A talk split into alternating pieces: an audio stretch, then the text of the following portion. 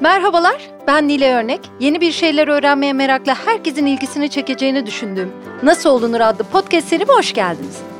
Bu seride mikrofonu mesleklerini ustalıkla icra ettiğini düşündüğüm insanlara yöneltip onlara aynı soruyu soruyorum. Nasıl olunur?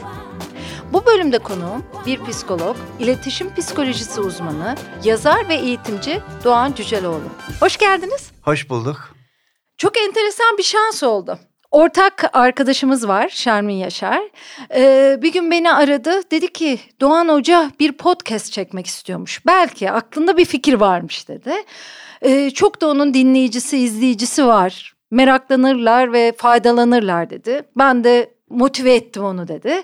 Ama nereden öğrenecek, kimden bir bilgi alacak? Benim bir arkadaşım var Nilay podcast yapıyor en iyi size o anlatır dedim dedi.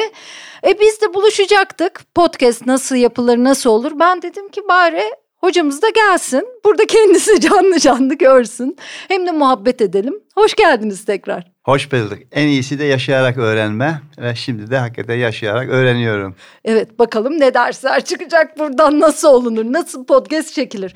Ee, ben dedim ki e, Doğan Bey gelmişken bu kadar tecrübesinden yararlanalım. Nasıl olunur? Şimdi kaç kitabınız var Doğan Hocam? Benim 19 kitabım var. Evet bir de sizinle yapılan kitaplar var değil mi? Size Onları da dahil ettim. Ee, Ha, dahil iki tane ettiniz. de benimle yapılan. 17 kitap artı iki tane 19. 19 kitap var. Evet. Ya şimdi böyle konuklara hazırlanmak o kadar zor ki. Ee, ilk kitabınız 1979'da çıkmış. Bayağı çıkalı olmuş. Evet. 79 Ee, daha sonra 1990'larda yeniden yükselişinizi görüyoruz ve ben şöyle bir baktım. Acayip baskılar, 48 baskı, 50 baskı. Yani kitaplarınızda hep çok basılma durumu var. Büyük bir hayranlık var size karşı. Ee, bu kişisel gelişim alanı da o zamanlar Türkiye'de anılmayan bir alan ve sizin psikoloji anlattığınız, iletişim anlattığınız, iletişim psikolojisi anlattığınız kitaplarınız birer kişisel gelişim unsuru olarak algılanmış. Yani insanlar belki adını öyle koymamıştır ama insanların kişisel gelişimine, aile gelişimine, çocuk geliştirmesine yardımcı olmuş ve daha sonra kitaplarınızı çok satmış, televizyon programları var değil mi? Ama oraya gelene kadar durum aslında enteresan. Sizin e, blogunuza baktım, çok yerde de sonra alıntı yapıldığını gördüm. Kitap sitelerinde de çok alıntısı var. Aslında 11 çocuklu bir ailenin Mersin Silifke'den 11. çocuğusunuz değil mi? Evet, en Evet. küçüğüm. Çok avantajlı başladığınız düşünülmez aslında hayata. Ee, 11 çocuk olunca büyüklerin etkisinden korunmuş oluyorsunuz. Çocukların arasında büyüyorsunuz. Bence o avantaj. Evet o çok güzel. Evet, hele çevrede eee, yani çiftçi çocuğu değilim ama kasabada hemen hemen çiftçi gibi böyle ineğimiz, koyunumuz, keçimiz, eşeğimiz, eee, tavuğumuz, köpeğimiz, kedimiz hepsi vardı o doğal ortamda. Avar derdik biz, bahçemiz. Onların içerisinde büyümek ve solucanları, sümüklü böcekleri, yılanları, akrepleri, çıyanları görmek.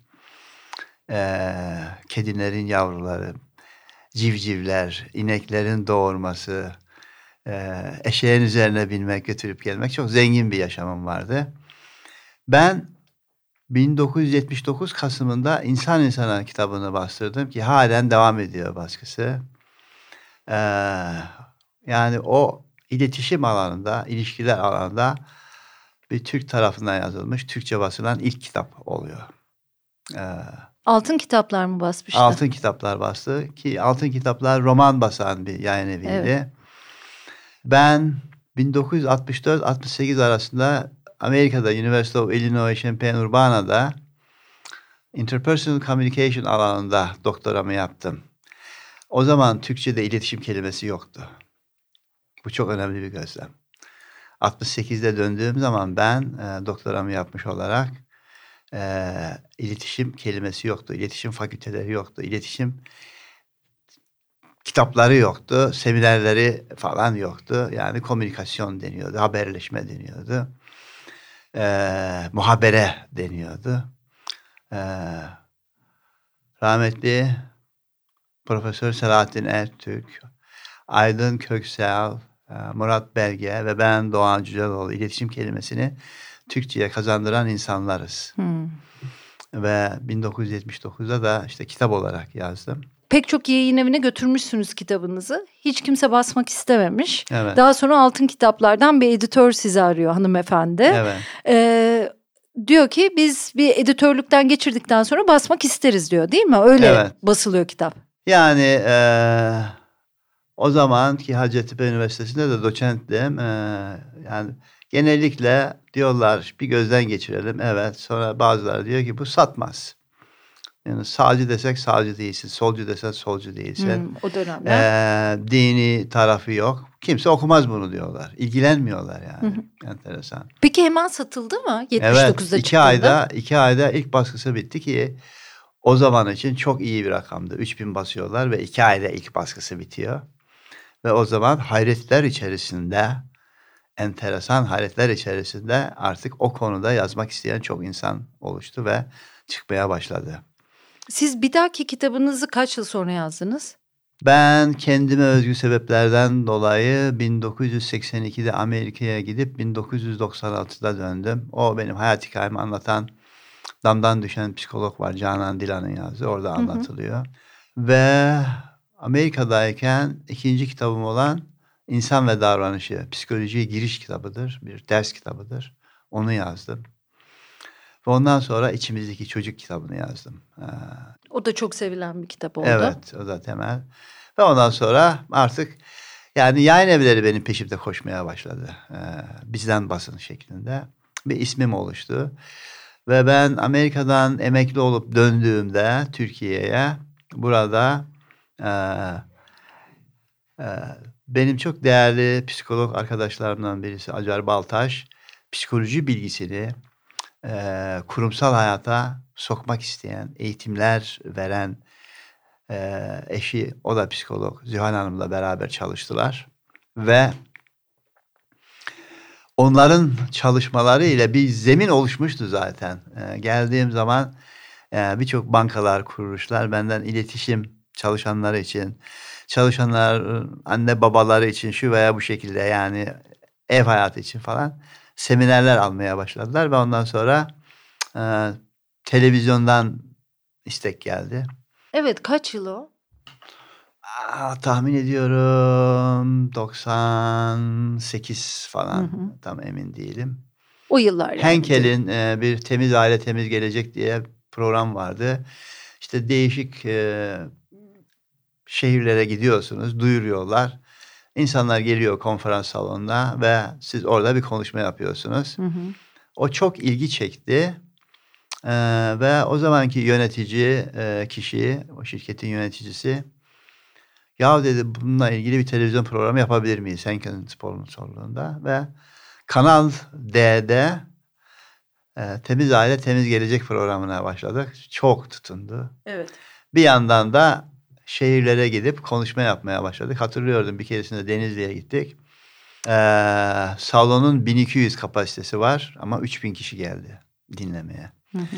Yani besbelli ki çok önemli bir ihtiyaç varmış ve insan ilişkileriyle ilgili bu açlık, bu ihtiyaç kendisini gösterdi ve şimdi artık Türkiye'de iletişimle ilgili seminerler şirketler için, e, kurumlar için olağan bir program haline gelmiş durumda. Şimdi ben düşündüm e, sizinle buluşmadan önce. Yani bugün artık çok kişisel gelişim kitabı var çok psikoloji kitabı var.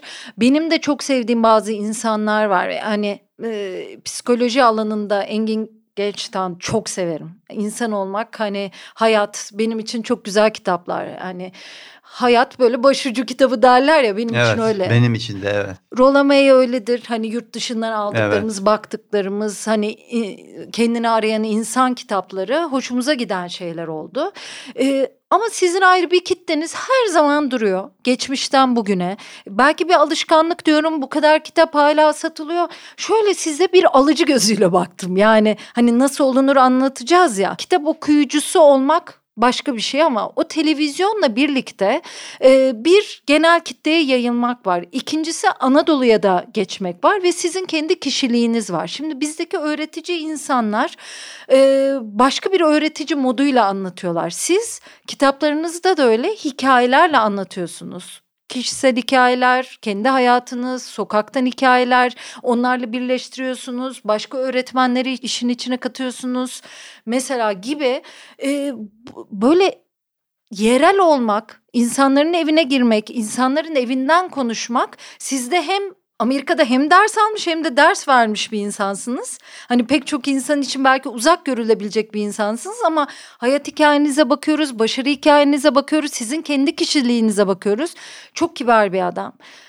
Çok nazik, herkesle birebir konuşmayı seven, insani ilişkiye kitaplarında yazdığı gibi önem vermeye çalışan bir adam. Mesela sizin bir söyleşinizi dinledim.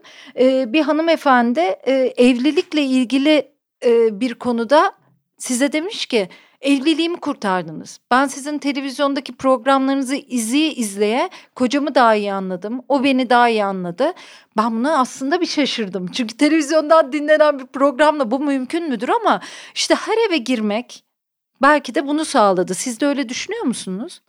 Ben hayatımın 38-42 yaşları arasında bir dönemden geçtim. O dönemde şunun farkına vardım ki bilgi aslında hiç önemli değil. Hı hı. Farkındalık önemli. Evet. Bilgi insanın gönlünde mayalanıp değerleriyle buluşup bir bilinç içerisinde oluşmaya başlayınca farkındalık haline dönüşüyor. Ve o zaman yapmak yerine olmak oluşmaya başlıyor. Ve böylelikle e, ben şunun farkına vardım. Yani derse çıkıp dersi anlatmak, akademisyen olmak aslında öğrencilerin bir konuyu öğrenmelerine yol açıyor ama onu sindirip özümsemelerine yol açmıyor. Bunu genel yaklaşımım içerisinde yapmak ve olmak olarak hı hı. değerlendiriyorum. Bu aradaki farkı kavradığım zaman e, ben bilen insan olarak değil, yaşayan insan olarak kişilerin karşısındayım. Konuşurken kendi hayatımdaki farkındalıklar çerçevesinde konuşuyorum. O bakımdan yaşam çok zengin, e, deneyimleri var ve benim öyküm halkın normal paylaşabildiği bir öykü. Anlıyor. O nedenle Mesela Amerika'dan ilk döndüğümde bir eczacı başına seminer vermiştik. İnsan kaynaklarından birisi geldi. Doğan hocam dedi. Sizi çok seviyoruz ama dedi lütfen şu konuşmanızı düzeltin dedi. Siz dedi Türk aydınısınız. Ne dedi bu şive dedi böyle. Böyle yayvan yayvan bir şey oldu. Lütfen dedi. Yani TRT spikerlerinin ders aldığı insanlar var. Ben sizi yönlendirebilirim dedi. Onlardan ders alın dedi. Özür dilerim dedim. Ve hakikaten o yöre doğru gitmeyi düşündüm. Çünkü benim Silifke şivem var. içime işlemiş. Sonra bir de 20 küsür sene kaldım Amerika'da. Kaliforniya şivesiyle birleşti. Kendine özgü bir şey oldu. Ve bir gün Alanya'da konuşuyorum dedim arkadaşlar şivemin farkındayım özür dilerim dedim. Ama bunu dedim düzelteceğim Türk aydını olarak. Konuşma bitti ara verildi. Bir kişi geldi. Hocam dedi sakın değiştirmeyin. Biz sizi böyle seviyoruz. Lütfen dedi ne olur. Doğan Cüceloğlu olarak kalın dedi. Hı hı. Zaten dedi o tip konuşan çok insan var dedi. Siz kendiniz olun dedi. Bunu sahnede ben söyledim. Ne dersiniz diye büyük bir alkış koptu. Ve orada karar verdim ki ben stereotipik, standart konuşmacı olmayacağım. Ben Doğan Cüceloğlu olarak konuşacağım. Bu yapış tarzıma takılıp kalan oluşumu zaten göremez. Onların sayısı az. O bakımdan hemen hemen her hafta, her gün ya mektupla ya sokakta hocam biliyor musunuz hayatımı değiştirdi diyen e, mektuplar alıyorum, konuşmalar oluyor ve hakikaten e, müthiş bir şükür duygusu içerisindeyim. Ben sizin biraz geçmişinize bakınca e, diyorum ya sitenizde çok da güzel anlatmışsınız bazı şeyleri. E, başka hikayeleri de dinledim baktım. Mesela şöyle çok enteresan iki üç şey gördüm. Ee, biraz zor buldum o bilgileri ama buldum. Ee, mesela hoşuma giden bir şey oldu. Sizin ilk Silifke'den ayrılıp bir büyük şehire gitmeniz ne zaman? Ben ortaokulu bitirince başka okul yoktu. Hı hı. Babam pek ilgilenmedi e, okumamla. En büyük abimin yanına Ankara'ya kaçtım. Evet. Otobüsle. Kaç yaş farkınız ee, vardı? Abimle mi? Evet. Abim en büyük olan bir numaraydı o. 35 falan yaş farkı vardı aramızda yani. Onun... 1 ile 11. Evet, evet buluştunuz Ankara'da. Evet. O subaydı. İstihkam binbaşısıydı yeni mahallede. Ee, o zaman 1953 falan yılı oluyor. 53, Mesela 54 yılı oluyor. O günü anlatırken ya da o günleri diyeyim. E, çatal elimde ilk defa tuttum. Evet. Bardak İlk defa kendi bardağım oldu evet. diyorsunuz. Ne kadar enteresan geliyor bugünden bakınca. Hani e, sonra ne yapıyordu ki bardak yok diye düşündüm. E, birbirinize bir tasla evet. e, iletiyormuşsunuz evet. suyu mesela. Herkes o tastan içiyormuş. Evet. Yani e, başka hayat şartıyla başka hayat şartlarını tartmamız her zaman mümkün olmuyor ama siz onu o kadar güzel anlatıyorsunuz ki bir de dikkatime çeken bir şey şu oldu. Babanız sizin hakkınızda e, günlük değil ama bir takım defterler tutmuş. Değil mi? Niye öyle bir şey yapmış? Bir tek defter her çocuğu için tuttu. Hem evet, kızı çok hem de oğulları için. Ee, babam bana Doğan derdi. Ee, onun için D, U, yumuşak G, A, N. Ee, 11 diye de yazmış e, etiketin altına. Karıştırması Ve aynı tip defterler enteresan her bir çocuğu için bir defter tutmuş. Anı defteri. Benim ana defterimde dört yaprak ya vardı ya yoktu ve çoğu kere yaprakların üçte biri, dörtte biri yazılmış şeklindeydi. Ama tahmin ediyorum ilk abimin e, ana defteri doluydu ve tabii onu e, Osmanlıca olarak e, eski harflerle yazmıştı. Hmm, hmm. Öyle. Babam sonradan öğrendi. Yazması biraz zordu. O bakımdan hakikaten çok takdir ediyorum. Yani her bir çocuğu için e, böyle önemli anılar olunca oturmuş yazmış. Neler yazıyor? Anı yazıyor. Sizin karakterlerinize dair bir şeyler yazıyor yani mu? Yani bir, bir olay olmuş oturmuş yazmış. Mesela ben üzüm e, yiyormuşum.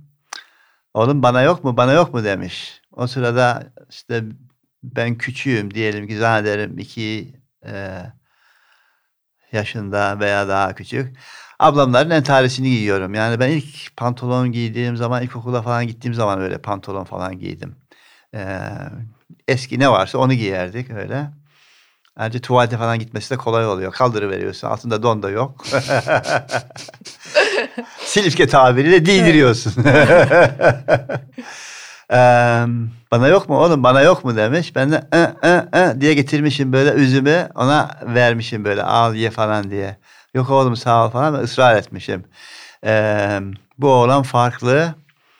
Çok o, iyiliksever ve alıngan diye hmm. not almış oraya. Ee, kitap yazma yolculuğunuzda belki bir şeyleri anlama, e, bilme, olma yolculuğunuzda ilk evliliğinizin bitişinden aldığınız dersleri örnek veriyorsunuz. Üç çocuğunuz var, evliliğiniz bitiyor ama siz diyorsunuz ki işte Silifke'den çıkmış e, bir e, Türk erkeği olarak e, Amerikalı feminist bir kadınla evliliğimin sonunda ben bir şeyler anladım. Yani kötü gitmesi sonunda. Hani anlaşamama sonunda değil mi?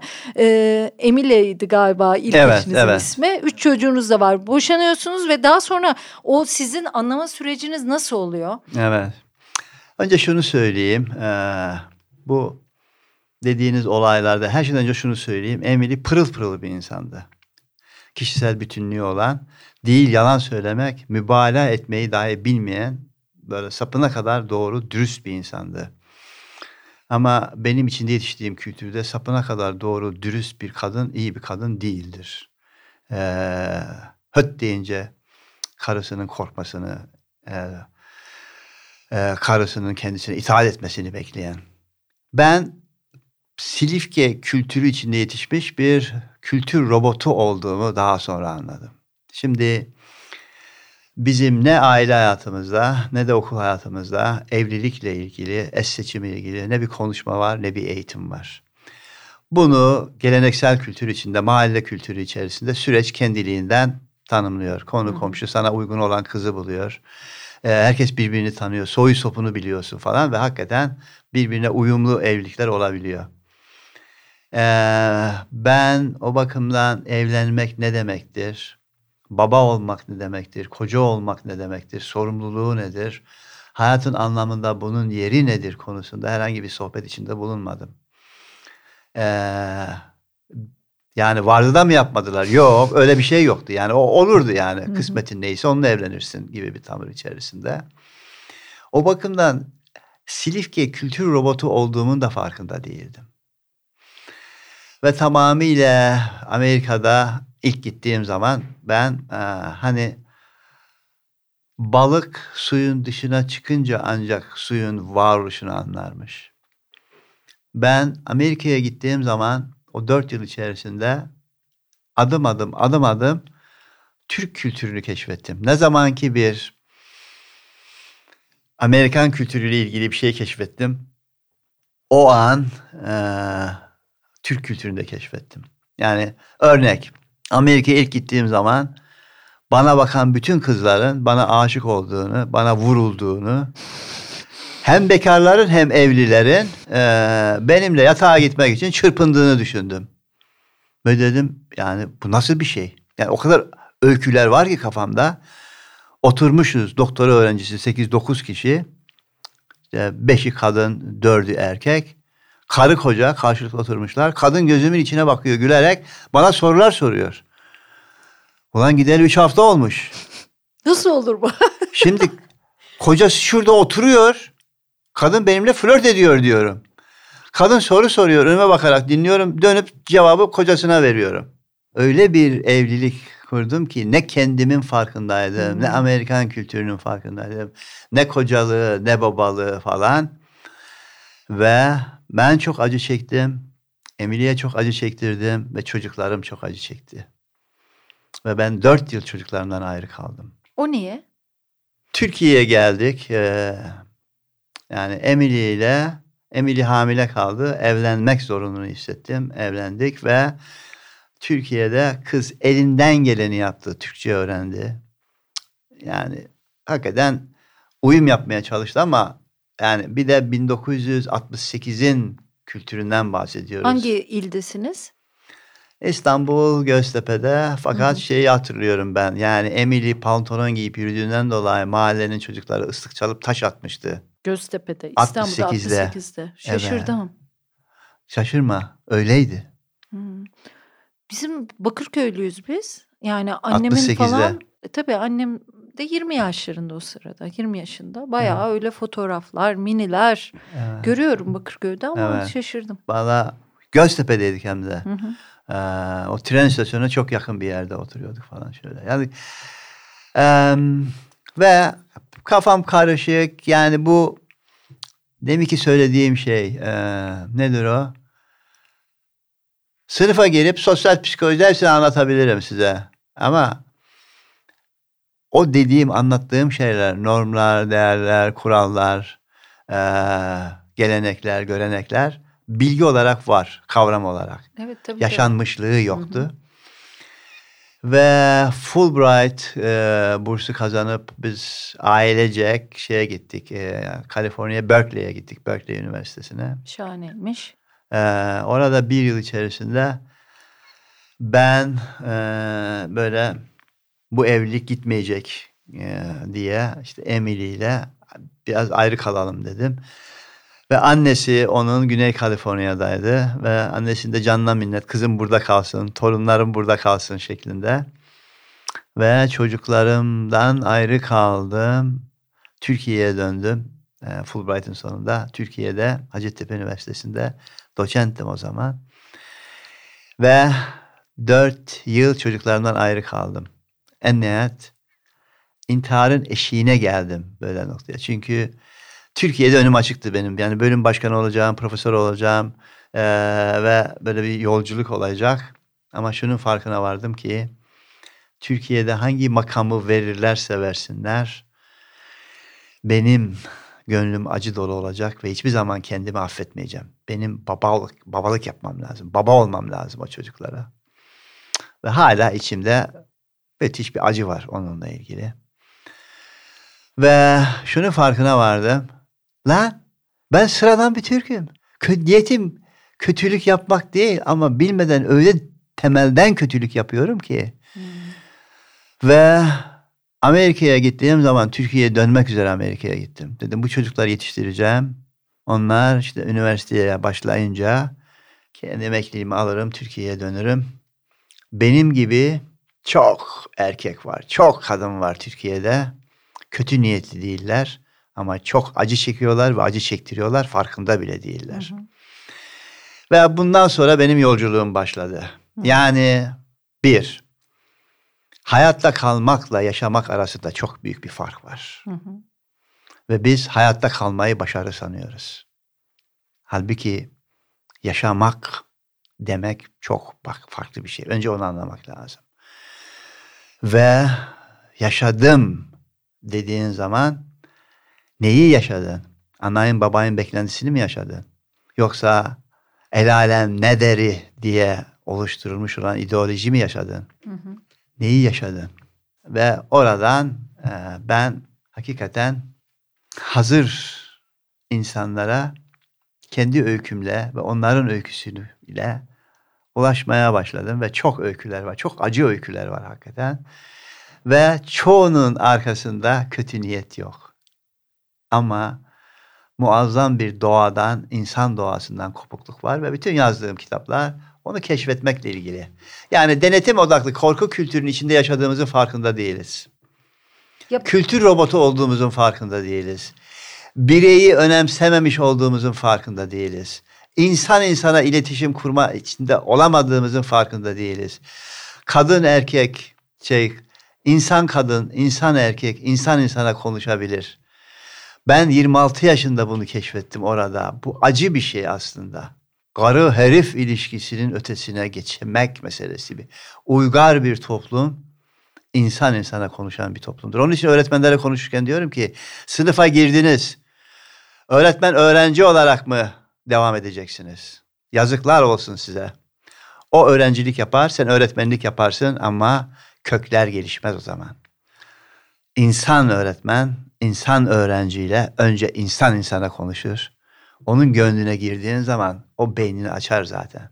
Bununla ilgili o kadar beyin çalışmaları var. O kadar literatür var ki ne dediğimi biliyorum. Hı hı. Ama bunu o şekilde söylüyorum ki ilkokula daha gitmemiş olan benim vatandaşım anlayabiliyor.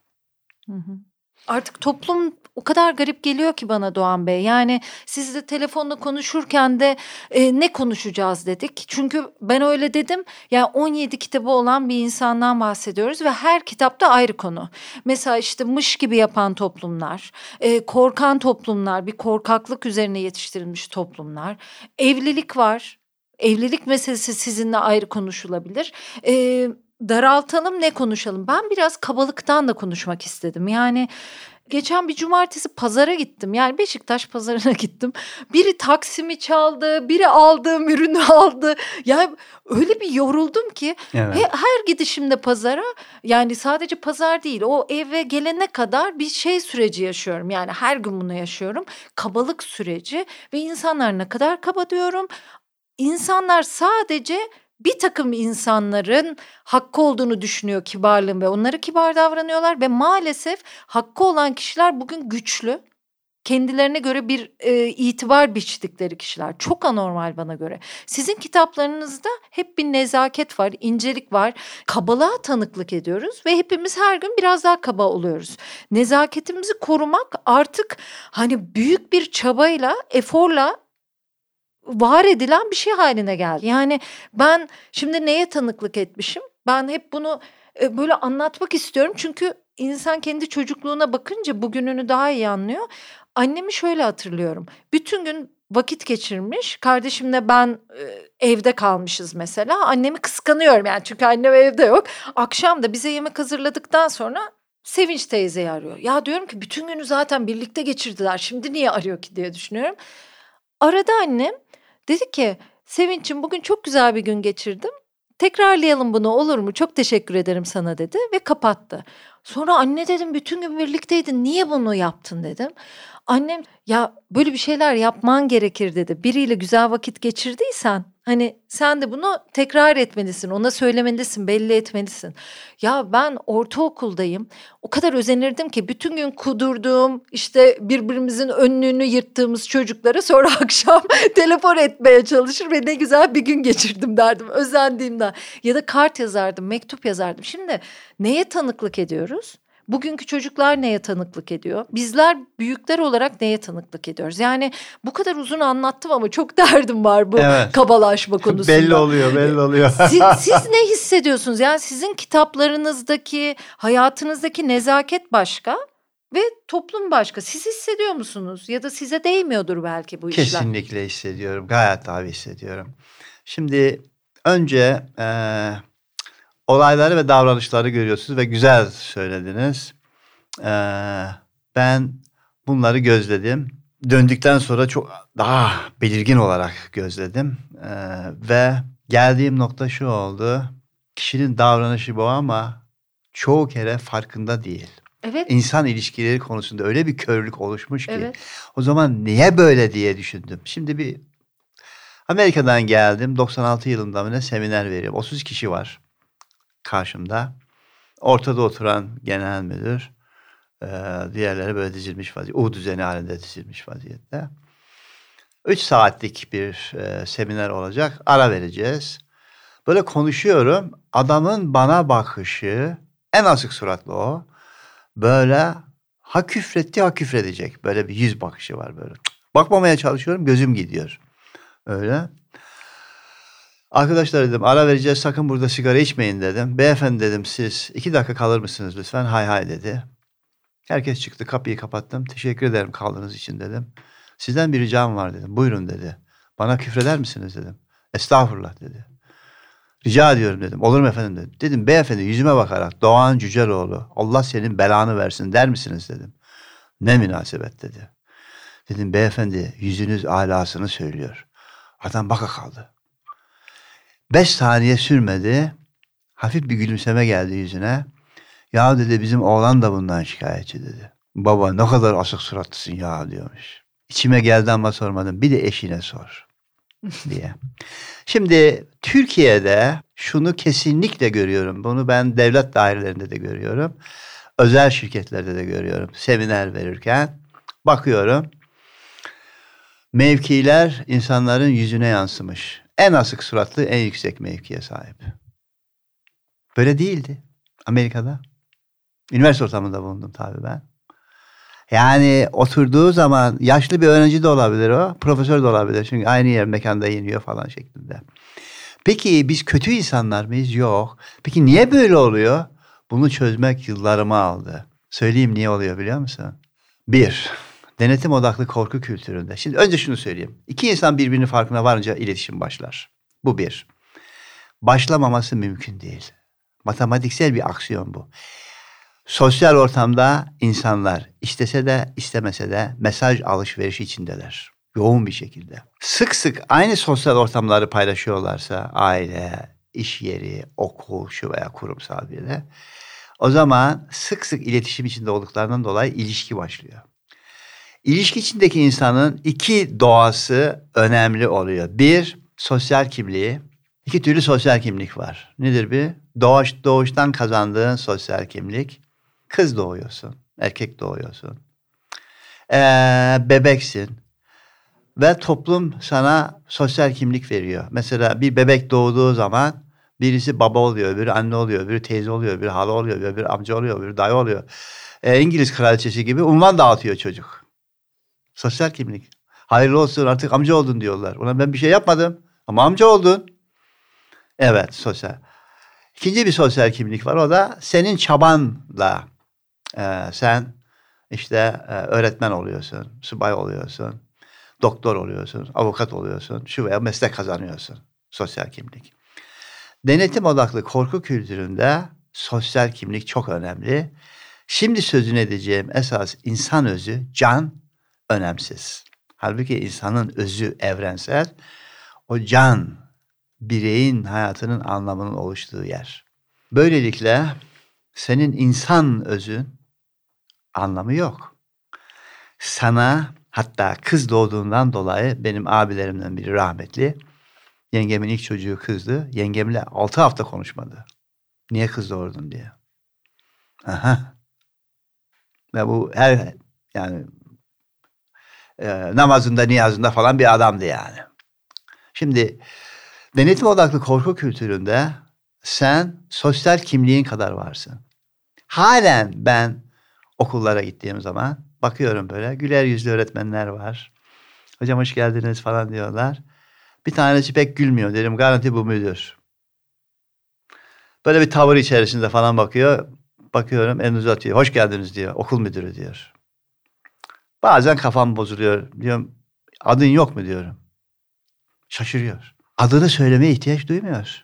Şimdi böyle bir ortamın içerisinde büyüyüp sen yetiştiğin zaman algıda seçiciliğin başlıyor. Ben kibarım. Onu anlatacağım. Neden kibarım? Yani web değildim ama şunun farkına vardığımdan dolayı kibar oldum. Onu sonra anlatacağım ama uçaktan mesela en son inen benim. Bir şeyler oluyor. En son binen benim. En son inen benim. Ulan bakıyorum. En sona kalmışım. Niye? Ama birisi mafya suratlıysa ve tanıyorsa, burnundan soluyorsa, yakarım lan şeklinde bir tavırı varsa, giyinişiyle, sakalıyla, bıyığıyla şu veya bu şekilde hışmı varsa buyurun deniyor ona. Ve bunu yaptıklarının farkında bile yoklar, değiller. Ve öyle ki ne kendi sınırlarının ne de başkasının sınırlarının farkında. Ve böyle bir ortama büyüyüp içine doğup büyüdüğün zaman o sınırların pek farkına varamıyorsun. Tanıklığın altı boyutundan bahsetmiştik değil mi? İçimiz bunu bilerek doğuyoruz. Doğumundan altı saat sonra çocuk his olarak önce iki boyutun farkında. Güvende miyim? Kabul ediliyor muyum? Bunun farkında. Sonra altıncı ayında, onuncu ayında falan o oh, sorsan bilgisi yok. Ama nasıl ki 3-4 yaşında gramer sorsan bir şey söylemez ama Türkçe konuşur. Onun gibi iletişim konusunda muazzam bu altı boyutu yaşıyor. içi biliyor böyle. Denetim odaklı korku kültüründe büyüdüğün zaman diyorsun ki başkasının tanıklığı içerisi ne kadar ben varım. Onun için babam ne diyecek, öğretmenim ne diyecek, büyük annem ne diyecek çok önemli. Peki bunları nasıl değiştirmeliyiz? Yani siz Ona de gelmek senelerdir istiyorum. evet bunları yazıyorsunuz. Bunlar artık çok bariz ortada. Yani böyle salonumuzun ortasında duran mevzular. Yani Evet. ve bunlardan çok sıkıldık ve bunları nasıl değiştiririz? Çünkü bu genelin durumu oldu ve azınlık kaldı gerisi. Yani kibar olan azınlık, gülen azınlık, kendinin farkında olan azınlık. Bu kadar kişisel gelişim kitabı satılıyor Türkiye'de. Bu kadar televizyon programı güya yapılıyor. Sosyal sorumluluk projeleri yapılıyor ama toplum hala aynı. Benim yaklaşış tarzım şu. Bir sonuç bakıyorsunuz, bir davranış bunu ortaya çıkıyor. Şu soru var. Neden bu davranış oluyor? Hı hı. Bunun arkasında bir dünyaya bakış tarzı, bir anlam verme sistemi var. Ondan sonra şunu soruyorsun. Bu nereden geliyor? Hı hı. Ve sistemi anladığın zaman o zaman benim şimdi geldiğim nokta şu. Bu toplumda el alem ne der? Bu yani denetim odaklı korku kültürünün okyanusu içerisinde. Mesela bu küfürlü konuşan gençler etrafa baktıkları zaman korktukları diğer kişiler olsaydı böyle küfürlü konuşamazdı. Ne lan söze bakayım diyecek bir tip olsa konuşmazlardı. Baktıkları zaman onların algılamasında farkında bile değiller. Korkacakları kimse yok. Ondan dolayı ancak korkuyla oluşturulan bir disiplin var. Ve korku ortadan kalktığı andan itibaren yine köpek sürüsü gibi her şeyi yaparlar. Peki içten gelen disiplin olabilir mi? Evet. Uygarlık da bu zaten. Bunu görüyor musunuz? Evet. Hiçbir mecburiyet yok. Kaldırımda yürürken 10 yaşındaki birine dahi e, bonjour diyor. E, Good morning diyor. Guten Tag diyor. Her neyse o dilde. A diyorsun ya. Yani kaldırımda birbirini görmenin bir sorumluluğu var. Yaşam bir ekip işi diye işlenmiş her an için ekibin bir parçasısın. Farkında olman lazım. Bu farklı bir gelişim odaklı değerler kültürüne getiriyor. Şimdi ben dedin ya siz ne kadar kibarsınız diye. Neyi fark ettim biliyor musun? Benim için en temel konu bu. Bir insanın hayatındaki en önemli kişi kendisi. Kendi tanıklığını keşfettiğin zaman bu altı boyutta sen kendine ben kendi gözümde var mıyım, önemli miyim, ben kendimi önemsiyor muyum sorusunu soruyorsun. Ben kendimi olduğum gibi kabul edecek cesaretim var mı? Bu Allah'ın kulu da böyle şeklinde. Ben kendimle olan ilişkimi değerli görüyor muyum? Çünkü en önemli ilişki senin kendinle ilişkin.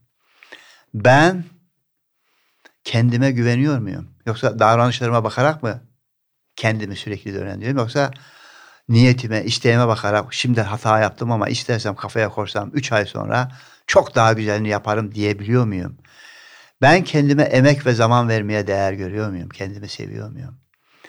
Ben kendime saygı duyup ama aynı zamandaki içimizdeki bizi keşfedip, ekibi keşfedip ondan sorumluluk alıyor muyum? Bunu keşfettiğin zaman karşıdakinin mevkisi, makamı, yaşam, yaşamı ne olursa olsun merhaba dersin, günaydın dersin. Neden? Çünkü o kişi değil söz konusu olan. Senin kendinle olan ilişkin. Tabii ki bence de öyle.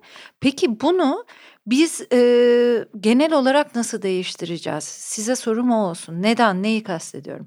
Bu podcast'in dinleyicisi insanlar için.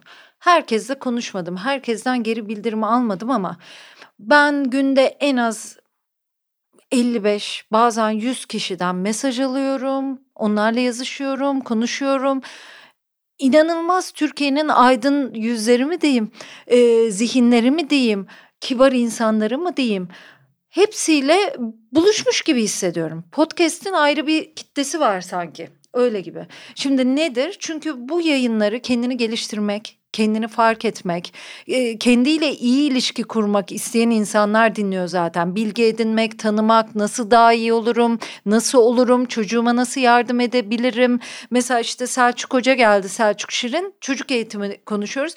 Onlarca insan bana yazdı. E, kitaplarını da aldım, şöyle yaptım, böyle yaptım. Neden daha iyi olmak istiyorlar? Hem toplum için hem kendileri için. Ama bunu bireysel olarak yapsak bile bazen kendimizi yalnız hissediyoruz.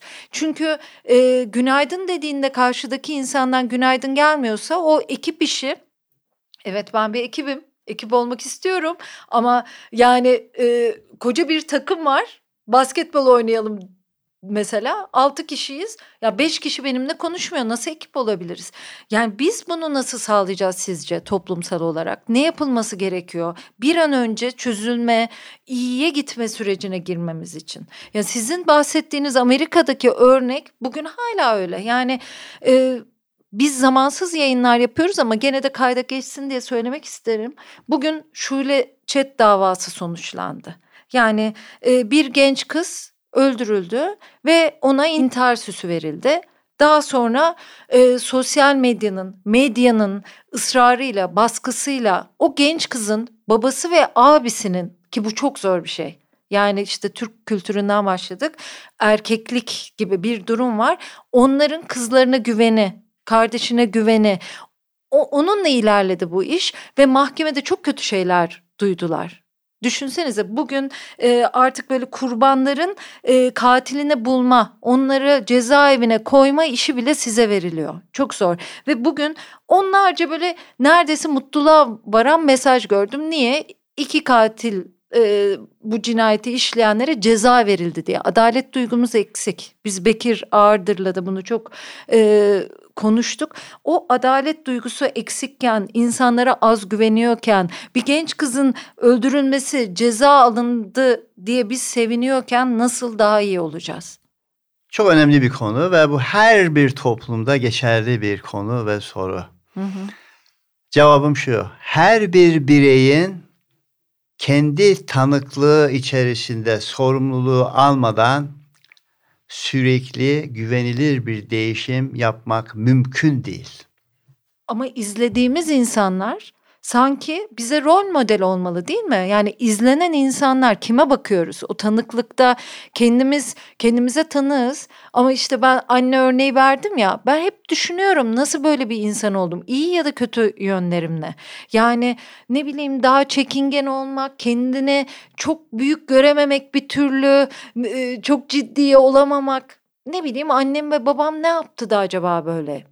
Diye düşünüyorum ya da ailemden ne gördüm, çevremden ne gördüm. Sürekli geçmişime gitmeye çalışıyorum. Ama gördüğüm iki insan sonuçta hata da yapsalar.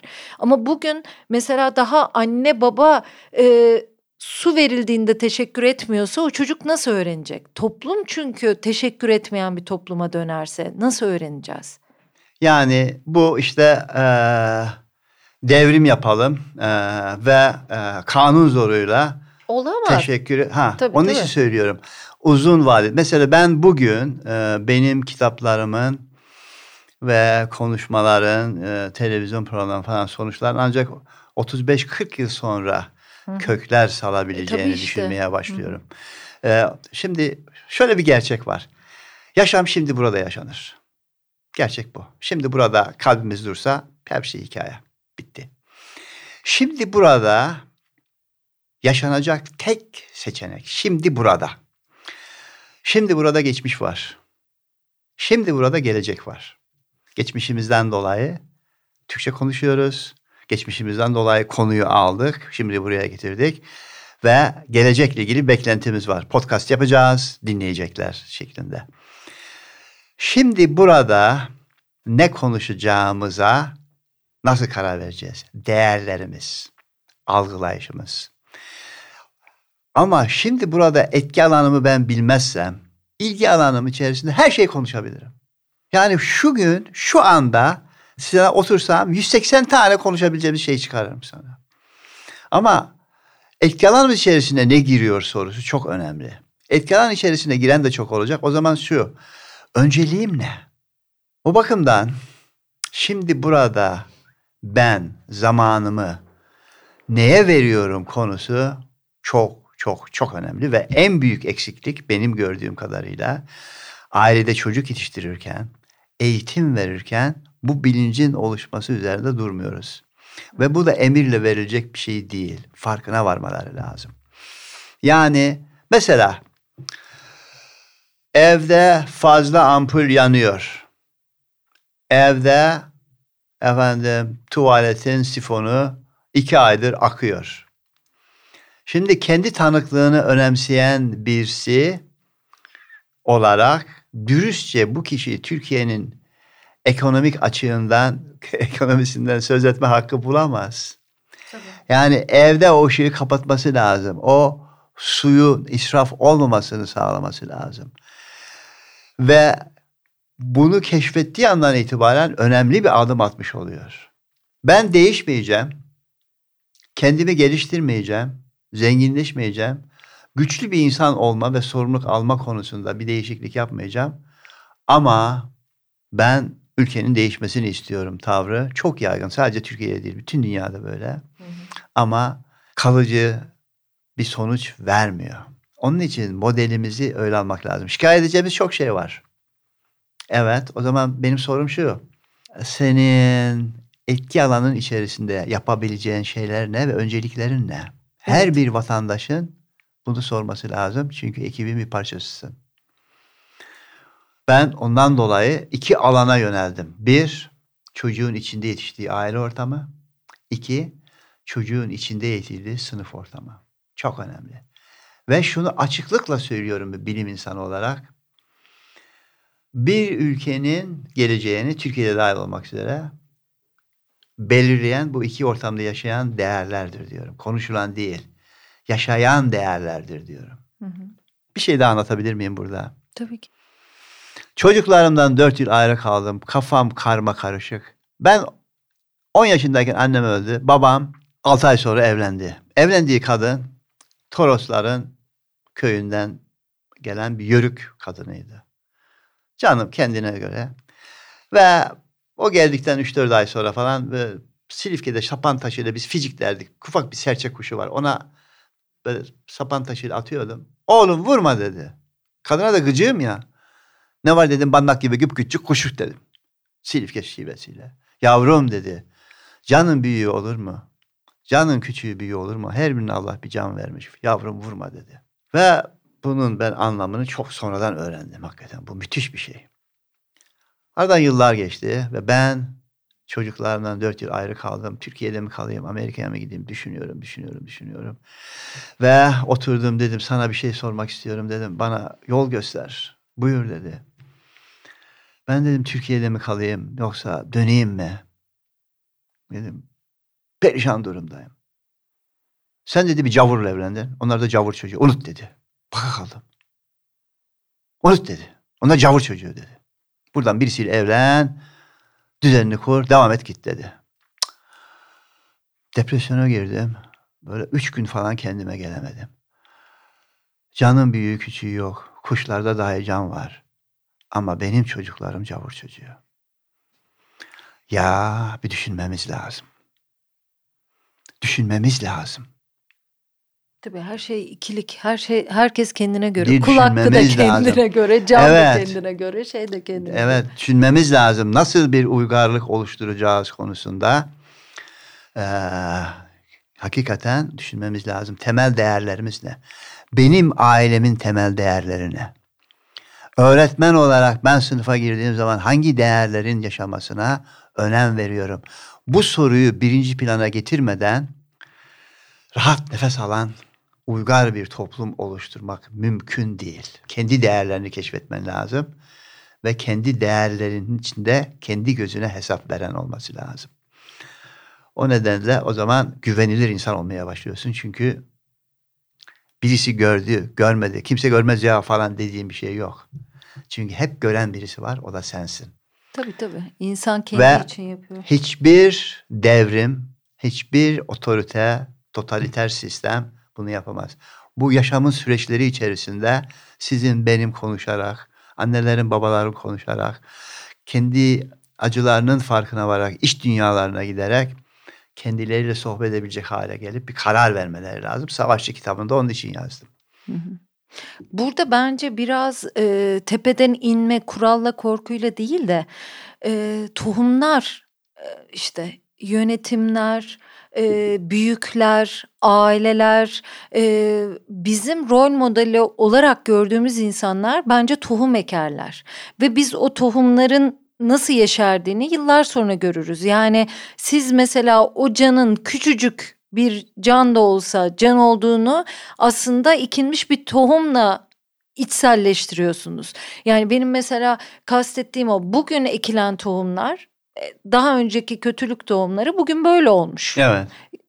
İyilik tohumları da ya, ya da iyi toplum için yapılan şeyler de e, 10-15 sene belki 20 sene daha sonra ortaya çıkacak. Yani bir dil kurmak, hafıza kurmak, iyi bir dil yaratmaya çalışmak, düzgün konuşmak. Yani işte biz garip bir toplumuz. Söylenene çok bakıyoruz ama yapılana bakmıyoruz bazen. Yani insanlar çok büyük konuşuyorlar ama onun tersini yapıyorlar. Çok oksimoron durumlar oluyor. Yani e, bu arada sizden konuşmuşken e, çok da araya girmeyeyim ama bir e, birinden bahsetmek isterim.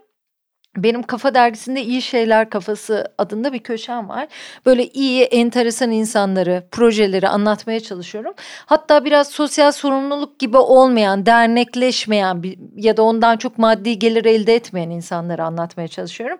Mehmet Hilmi Eren isminde bir beyefendi fark ettim tanıştım demeyeyim e, fark ettim sonra aradım bayağı da telefonla konuştuk o e, sizden de bahsetmiştik ya Doğan Hoca ile de çok buluştum konuştum ondan da akıl aldım demişti onun için e, siz varken yayında da bahsedelim isterim e, Mehmet Bey belki Hilmi ismini kullanıyordur Hilmi Evet. Bey diyeyim Evet. e, eğitmen, psikolojik danışman, gezgin, e, çok enteresan bir, bir insan. Eğitmen ama eğitimlerine, çocuk eğitimlerine hep anneler geliyor. Hı hı. O da istiyor ki babalar da gelsin, babalar da dinlesin. E, bir çözüm bulamıyor. Sürekli yöntem değiştiriyor, yöntem değiştiriyor. Sonra ben bu babaları nerede bulurum? Yani araştırıyor, soruyor, düşünüyor. Kahvehaneler, camiler aklına geliyor. Ya diyor ki ben camilere gitsem, cuma namazlarından önce konuşsam belki etkili olur. Ben çok beğendim beyefendi. Yani bugünlerde böyle dinle ilgili şeyleri çok düşünüyoruz, tartıyoruz bazen. Ama e, sonra ilahiyat okuyor. Çünkü, Çünkü izin vermiyorlar. izin vermiyorlar değil mi? Çok O da sizin Allah belanızı versin. Niye izin vermiyorsunuz demiyor. demiyor. Etki alan içerisine giren bir şey yapıyor. İki Çok. buçuk yıl ilahiyat okuyor. Çok güzel değil mi? Bir de sizin Müthiş. verdiğiniz örneğe ne kadar güzel bir örnek. O da Kesinlikle. babasından da bir eğitim alıyor. Kendi yapabileceğini yapmak, kendinden çıkmak. İşte Aynen. sizin örneğinizin çok güzel bir vücut bulmuş örneği diye e, söylüyorum. Evet. E, sonra okuyor, eski Türkçe'de okuyor e, ve insanlarla onlara göre davranıyor. Yani ben Evet. bunu çok önemserim. Çünkü Hüsamettin Koçan e, çok çok sevdiğim bir insandır. E, onu da burada konuk etmek isterim. E, onun bir sözü biz eskiden e, devrim hemen şimdi diyorduk. Hani hemen devrim olsun istiyorduk. Hani kafamızda o vardı ama ben yıllar içinde şunu anladım. Her insanın kendi e, bir yapısı var. Her insan başka yapıda. Onun yapısını bir günde değiştiremezsin. Onun yapısına bir günde müdahale etmek kötülük ya da ters olan bir şey. Yavaş yavaş anlatacaksın her şeyi. İşte o e, Baksı Müzesi'ni kuruşu, e, kendi köyüne geri dönüşü, orada bir şeyler yapmak isteyişi üzerine konuşuyorduk. O da çünkü e, Bayburt'un bir köyünden çıkıp da çok değerli işler yapmış biri. Ben mesela Mehmet Hilmi Eren'de de o şeyi gördüm. Mesela şimdi gidiyor hala cuma namazlarından önce evet. e, konuşuyor ve ne yapıyor? Orada insanlar dini bir vecibe yerine getirmek, öyle bir kafayla gitmişler. O da ne yapıyor? Ayetlerden, surelerden e, enteresan cümlelerle anlatıyor. Mesela diyormuş ki e, eşinize çiçekle gidin, hediye alın. İnsanlar bana böyle bakıyor adamlar diyor. Ondan sonra ben diyorum ki e, Peygamberimiz de öyle demez mi? Hediye vermek sünnettir diye anlatıyorum diyor. Çocukla ilişki öyle anlatıyor. Ben çok beğendim beyefendinin düşünüş yapısını, emeğini, kafasını değil mi? Yani siz daha çok da güzel bir örnek. Şimdi Ev Okulu diye bir e, dernek oluşturuldu ve orada aynı zamanda e, psikolojik danışma, rehberlik, psikoloji, sosyoloji ve felsefedeki üniversite öğrencilerini alıp eğitip onları e, bir mentor olarak e, e, şey işte ilkokul, ortaokul öğrencilerine abi, abla olarak eğittikten sonra dağıtma isteyen ailelere çok güzel program. Kesinlikle destekliyorum ve onu şekilde tanıttım. Benim hakikaten e, söylemeye çalıştığım şeyin en güzel örneği o. Ve bir insan muazzam bir potansiyel. Bir insan e, bir devri kapatıp yeni bir devir açabilir. Muazzam bir potansiyel. Neden? Söyleyeyim neden içimiz doğruyu biliyor.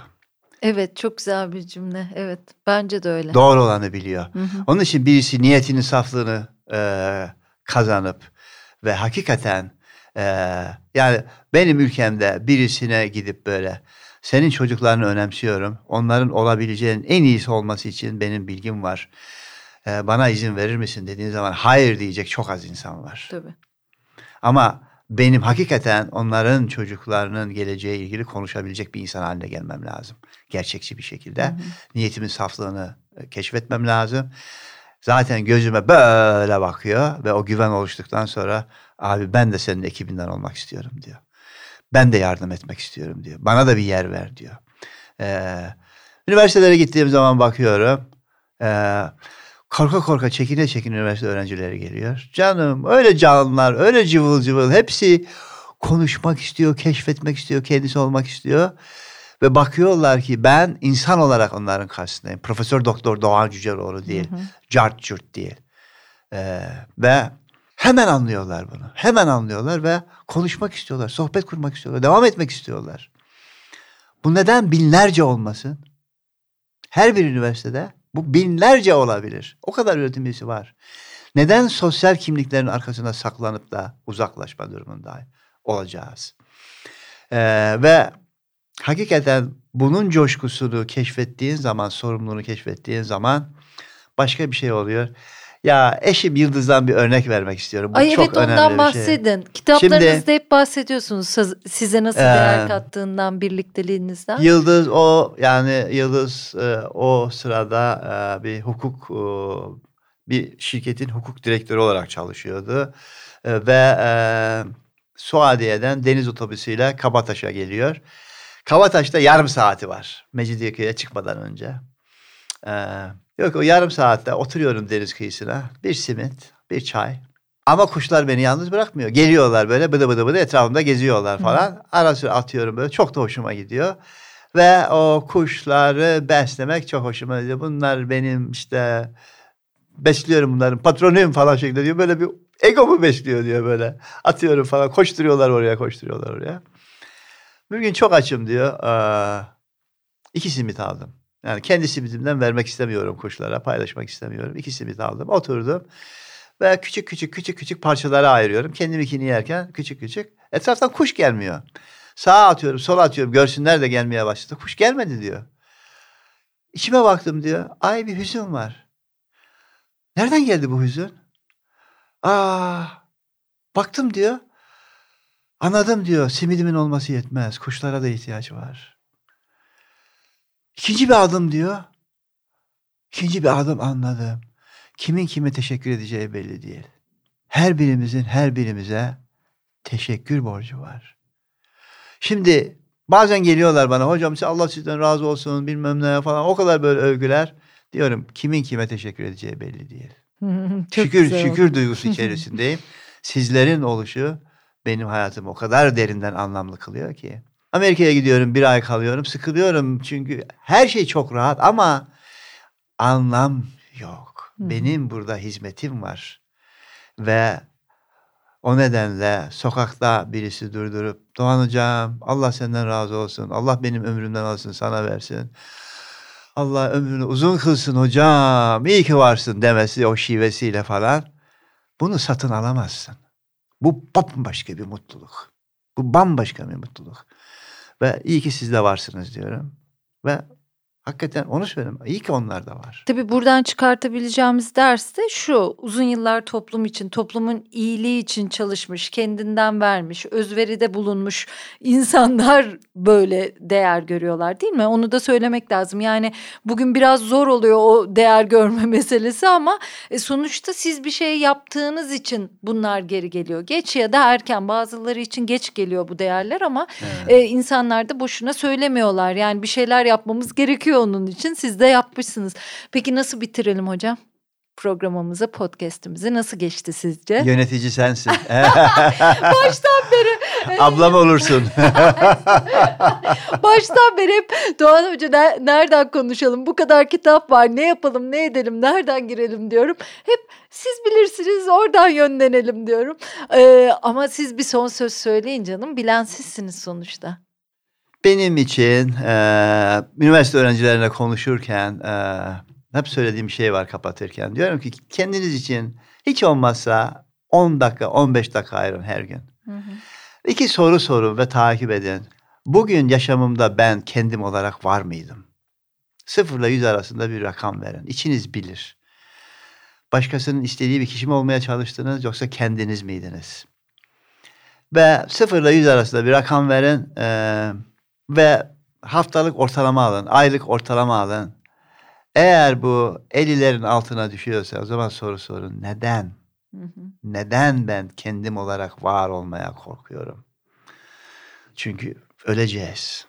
Öleceğiz. Yaşlandıkça mendeburlaşan insanlar var. Yaşlandıkça şükür duygusuna kavuşan insanlar var. Hı hı. Hangisi olmak istiyorsunuz? İkincisi de bugün hayatınızda en baskın, en belirgin iki temel duygunuz neydi? Onu sorun kendinize.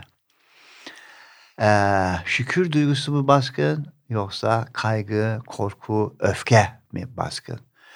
Yavaş yavaş gözlemleyen bilinciniz gelişmeye başlar.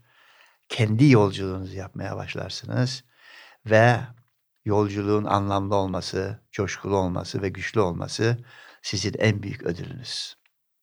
Böyle bitiriyorum. Çok güzel. Böyle bitirelim.